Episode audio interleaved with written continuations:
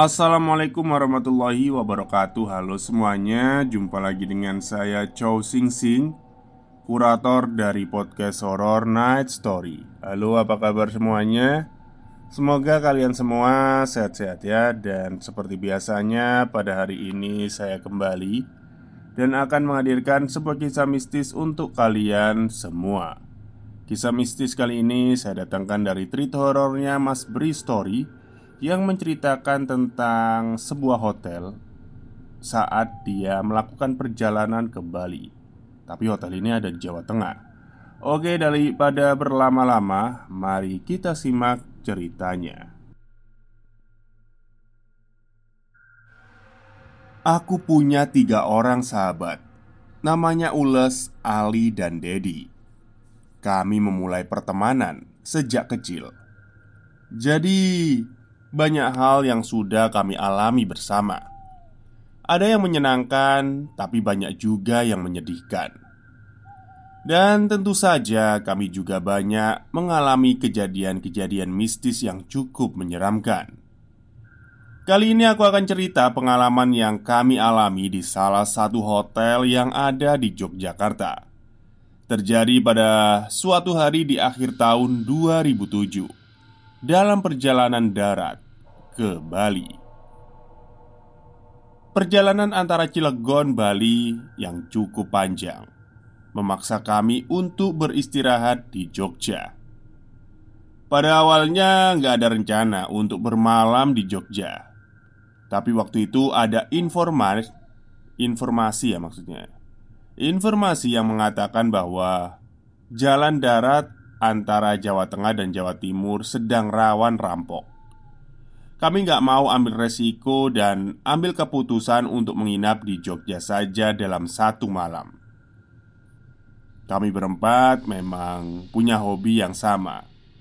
Semuanya sangat menyukai melakukan perjalanan jauh, road trip mungkin istilahnya. Apalagi kalau menuju tempat yang belum pernah dikunjungi, tempat yang asing menemukan suasana baru, lingkungan baru, dan pengalaman baru. Seru, banyak pengalaman yang sangat menarik untuk diceritakan, tapi nggak akan malam ini. Kapan-kapan saja aku pasti cerita. Singkat cerita, sekitar jam 10 malam kami sampai di Jogja. Awalnya sempat berniat untuk numpang menginap di rumah salah satu teman SMA tapi ternyata yang bersangkutan gak bisa dihubungi. Akhirnya kami memutuskan untuk mencari hotel saja. Waktu itu kebetulan sedang memasuki musim liburan akhir tahun Jadi agak susah untuk mendapatkan hotel. Ada yang agak aneh. Aku merasa malam itu suasana di Jogja sedang gak baik atau gak enak. Entah kenapa Ditambah dengan kenyataan bahwa kami menemui kesulitan mendapatkan hotel. Mungkin juga sudah lelah ya Setelah menempuh perjalanan belasan jam. Entahlah Sudah beberapa kali kami menemukan hotel yang available Dan sesuai dengan budget. Tapi karena suasananya kurang enak dan menyeramkan Akhirnya kami gak ambil. Ya, hotelnya serem-serem Nanti kapan-kapan aku cerita detail tentang hotelnya. Setelah cukup lama berputar-putar Sekitar jam 12 malam Akhirnya kami menemukan hotel yang letaknya di pinggir kota Jogja. Dan bukan di jalan utama lintas Jawa. Hotel yang aku masih ingat namanya sampai saat ini. Tapi sekarang sudah direnovasi. Bentuk bangunannya berubah total kalau diperhatikan dari luar, hotel itu terlihat cukup besar, walaupun bukan bangunan bertingkat. Hanya memiliki satu jalan masuk, yaitu melalui pintu di depan lobi. Dan yang sudah jelas terlihat, bangunan hotel terlihat sudah cukup tua. Kami parkir mobil di halaman yang cukup luas Pagar putih mengelilingi bangunan dengan pintu besi hitam sebagai gerbang utamanya. Di sana terlihat ada dua pohon besar di sisi kanan dan kirinya. Pencahayaan memang sangat kurang, membuat suasana terlihat sedikit kelam. karena badan sudah lelah dan mengantuk dengan agak sedikit terpaksa. Akhirnya, kami ambil keputusan untuk menginap di hotel itu. Setelah selesai urusan administrasi di lobi, kami berjalan menuju kamar.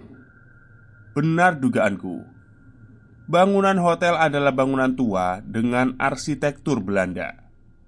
Langit-langit yang cukup tinggi Tembok tebal bercat putih Ditambah dengan perabotan antik Menghiasi di setiap sudut ruangan Gini nih Kalau terlalu malam Banyak gangguan. Oke kita lanjut. Walaupun sudah larut, pegawai hotel yang hanya segelintir itu tetap melayani kami dengan ramah. Agak mengherankan, karena sebelumnya beberapa kali kami menemukan hotel yang penuh dengan pengunjung Tapi berbeda dengan hotel ini. Terlihat sangat sepi. Masih banyak kamar yang kosong Lokasi kamar terletak sekitar 50 meter dari lobi. Cukup jauh karena memang berada pada paling ujung bangunan ini. Posisi hampir seluruh kamarnya melingkar mengelilingi sebuah taman. Taman terbuka yang cukup luas Yang cukup menarik perhatian. Ada pohon besar dan rindang di tengah taman itu Entahlah itu pohon apa Karena pencahayaan yang kurang Aku jadi nggak bisa melihat dengan jelas. Di bawahnya ada beberapa bangku taman. Lorong yang kami lalui hanya dibantu dengan penerangan seadanya. Lantainya berlapis. Porselen tipe zaman dulu. Sepanjang jalan, tiang-tiang kayu berbentuk persegi menyangga atap yang menjadi satu kesatuan. Beberapa saat kemudian, kami pun sampai. Kamar yang cukup besar dengan dua tempat tidur kayu di dalamnya, cukup untuk kami tidur berempat. Posisi kamar persis menghadap taman, jadi di dalamnya kami sempat berbincang seru. Sebelum akhirnya lelah dan kantuk memaksa untuk kami tidur. Sialnya, aku malah masih segar, gak ngantuk sedikit pun. Mungkin karena minum dua gelas kopi sebelumnya. Sedangkan Ules, Ali, dan Dedi sudah pada posisi molornya seperti yang aku ceritakan di awal tadi, suasana Jogja malam itu terasa nggak nyaman. Aku nggak tahu kenapa ya.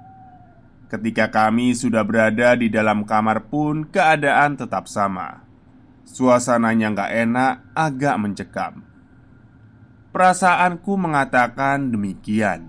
Ditambah juga dari awal masuk tadi, gak terlihat ada tamu lain yang ada di hotel itu lalu lalang. Sepertinya hanya kami, tamu hotel yang menginap pada malam itu, atau mungkin saja sudah larut malam. Jam sudah menunjukkan pukul satu malam. Ketika aku melihat Ali dan Dedi sudah terlelap dalam tidurnya. Sedangkan aku masih terjaga dan memaksa Ules yang sudah terlihat mengantuk untuk menemaniku ngobrol di tengah-tengah perbincangan. Tiba-tiba suasana menjadi tambah hening, sangat senyap. Gak ada suara sama sekali. Perasaanku mengatakan kalau sebentar lagi akan ada suatu kejadian yang terjadi, dan benar saja. Gak lama kemudian, aku dan Ules mendengar sesuatu. Kami mendengar suara yang bersumber dari luar kamar. Awalnya aku dan Ules gak tahu itu suara apa ya. Kami hanya saling berpandangan heran. Beberapa saat kemudian aku bilang, "Kok kayak ada suara kereta kuda ya, Les?" Ules gak membantah karena memang terdengar seperti itu seperti suara kereta kuda yang di tengah berjalan di lorong. Berjalan di lorong kamar, maksudnya. Suaranya semakin lama semakin jelas, terdengar seperti berjalan dari seberang tamar Seberang taman ya maksudnya ya Dan mengarah ke mendekati kamar. Ules sempat berniat untuk membuka tirai dan melihat keluar. Tapi aku mencegahnya Dan menyarankan untuk tetap diam di dalam kamar saja dan menunggu. Aku merinding Suara kereta kuda itu terdengar sangat jelas. Suasana waktu itu benar-benar mencekam. Oh ya, secara logika Kereta kuda nggak mungkin bisa masuk ke dalam lingkungan hotel. Karena pintu masuk hotel hanya bisa dilewati oleh manusia. Kendaraan apa pun nggak akan bisa lewat Karena pintunya kecil Terus Kenapa tiba-tiba ada kereta kuda melintas di lorong depan kamar kami? terdengar dari suaranya. Kereta kuda itu sudah tepat berada di depan kamar dan berhenti. Refleks aku langsung mematikan lampu. Suasana kembali hening. Tapi suara nafas dan ringkihan kuda terdengar sangat jelas. Mencekam karena aku dan Ules yakin kalau itu bukan kereta kuda biasa. Dari tirai jendela kamar terlihat bayangan yang berbentuk siluet dua kepala kuda bergerak-gerak yang sedang berdiri di luar. Aku dan Ules hanya terdiam, gak berani berucap apa-apa. Suasana benar-benar mencekam. Tapi sekitar 20 atau 30 detik kemudian kereta kuda itu terlihat kembali mulai berjalan. Berjalan pelan menjauhi kamar, kemudian suaranya terdengar menjauh. Semakin menjauh sampai benar-benar menghilang dan gak terdengar lagi. Suasana kembali hening. Ternyata cerita belum selesai. Kami berdua sempat membahasnya sebentar sambil berbisik. Setelah itu Ules ngantuk berat dan gak lama kemudian terlihat dia terlelap. Sementara aku masih belum ngantuk juga. Sudah pukul setengah dua. Dan di keheningan malam itu Aku hanya bisa melamun gak jelas. Menunggu kantuk yang gak kunjung datang Perasaan mengatakan kalau sesuatu akan terjadi sekali lagi Suasana makin gak enak dan benar. Dalam posisi rebahan terlentang di atas tempat tidur, aku melihat pintu kamar yang letaknya ada di sisi kiri tiba-tiba terbuka dengan sendirinya. Terbuka perlahan, dan aku kaget melihatnya. Tambah kaget lagi setelah pintu kamar benar-benar terbuka. Kenapa aku kaget? Karena aku melihat seorang ibu setengah baya yang sedang berdiri diam di depan pintu menghadap ke dalam kamar. Ibu itu berkebaya khas Jawa, lengkap dengan sanggulnya. Aku nggak bisa berbuat apa-apa saat itu. Badanku kaku, gak bisa bicara atau teriak sama sekali. Seperti terhipnotis. Jantungku semakin berdegup kencang, gak karuan Ketika tiba-tiba. Wanita itu menolehkan wajahnya ke arahku dan tersenyum. Dalam ketakutan yang amat sangat Aku masih bisa tersenyum balik Jarak kami berdua hanya sekitar 4 meter Kemudian, beberapa detik, beliau mulai berjalan secara perlahan masuk ke dalam kamar kami. Tapi langkahnya seperti melayang, dan benar, aku melihat kakinya nggak menyentuh tanah. Berjalan ke arah toilet yang letaknya ada di sisi kanan. Ketika ibu itu berjalan menuju toilet, aku hanya bisa memperhatikannya. Gak berani berbuat apa pun. Itu salah satu 10 atau 15 detik terlama Yang pernah aku alami. Dia berjalan pelan Kemudian menembus pintu toilet yang dalam keadaan tertutup itu Dan tak terlihat lagi pada pagi harinya aku terbangun karena mendengar suara teman-teman yang lain sedang berbincang seru di teras kamar. Langsung beranjak dari tempat tidur dan bergabung bersama mereka. Aku nggak langsung cerita tentang kejadian semalam, tapi aku bertanya sesuatu pada mereka. Pintu kamar dalam posisi terkunci nggak sih? Tadi pagi sewaktu kalian bangun tidur Kompak mereka menjawab Ya pintu dalam keadaan terkunci lah. Akhirnya kami check out pagi itu juga Ketika sedang berjalan keluar hotel dan melewati lobi. Mataku tertuju Pada sebuah lukisan besar yang terpampang pada dinding. Lukisan Seorang ibu berkebaya khas Jawa Tengah. Perawakannya sangat mirip dengan ibu yang semalam masuk ke dalam kamar Aku langsung bertanya perihal lukisan itu kepada mbak resepsionis. Ini lukisannya siapa ya mbak? Tanya aku sambil menunjuk ke arah lukisan. Oh, itu. Itu pemilik dan pendiri hotel ini mas. Tapi sudah meninggal sekitar 80 tahun yang lalu. Pastinya. Saya kurang tahu Jawab mbak itu menjelaskan Lalu kami melanjutkan perjalanan menuju Bali. Dalam perjalanan itu, kami menemui beberapa kejadian yang aneh dan cukup menyeramkan. Nanti kapan-kapan aku akan cerita. Sekian dulu, selamat bobo, semoga mimpi indah. Salam, Bri.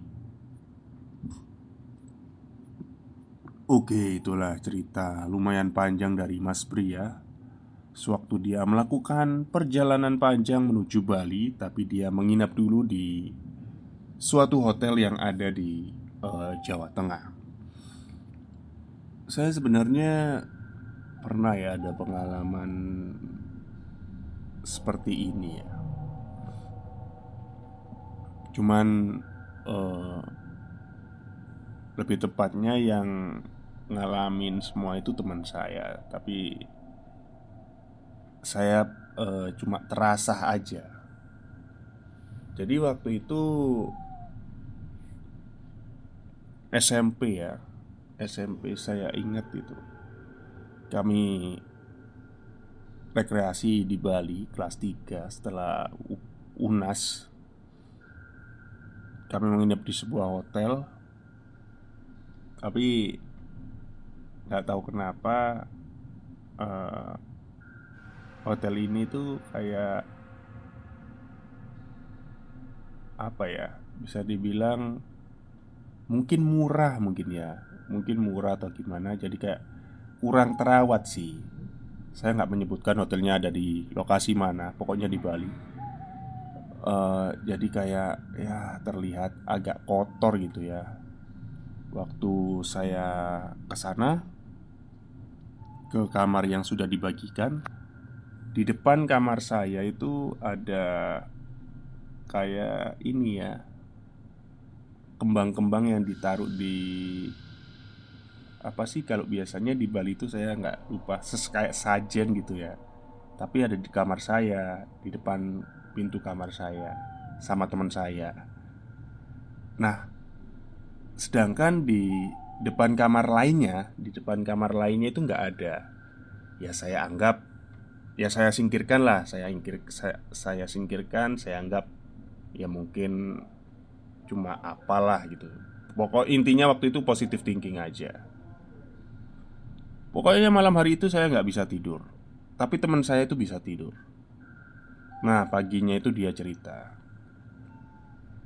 Malam itu tuh mimpi buruk banget. Katanya itu dia ya udahlah aneh banget mimpinya Katanya hotel itu itu kayak sarangnya hantu. Ada pocong, ada leak kumpul di situ gitu. random sih Mungkin saya ceritakan kapan-kapan aja. Oke mungkin itu saja cerita dari saya. Semoga kalian semua suka. Wassalamualaikum warahmatullahi wabarakatuh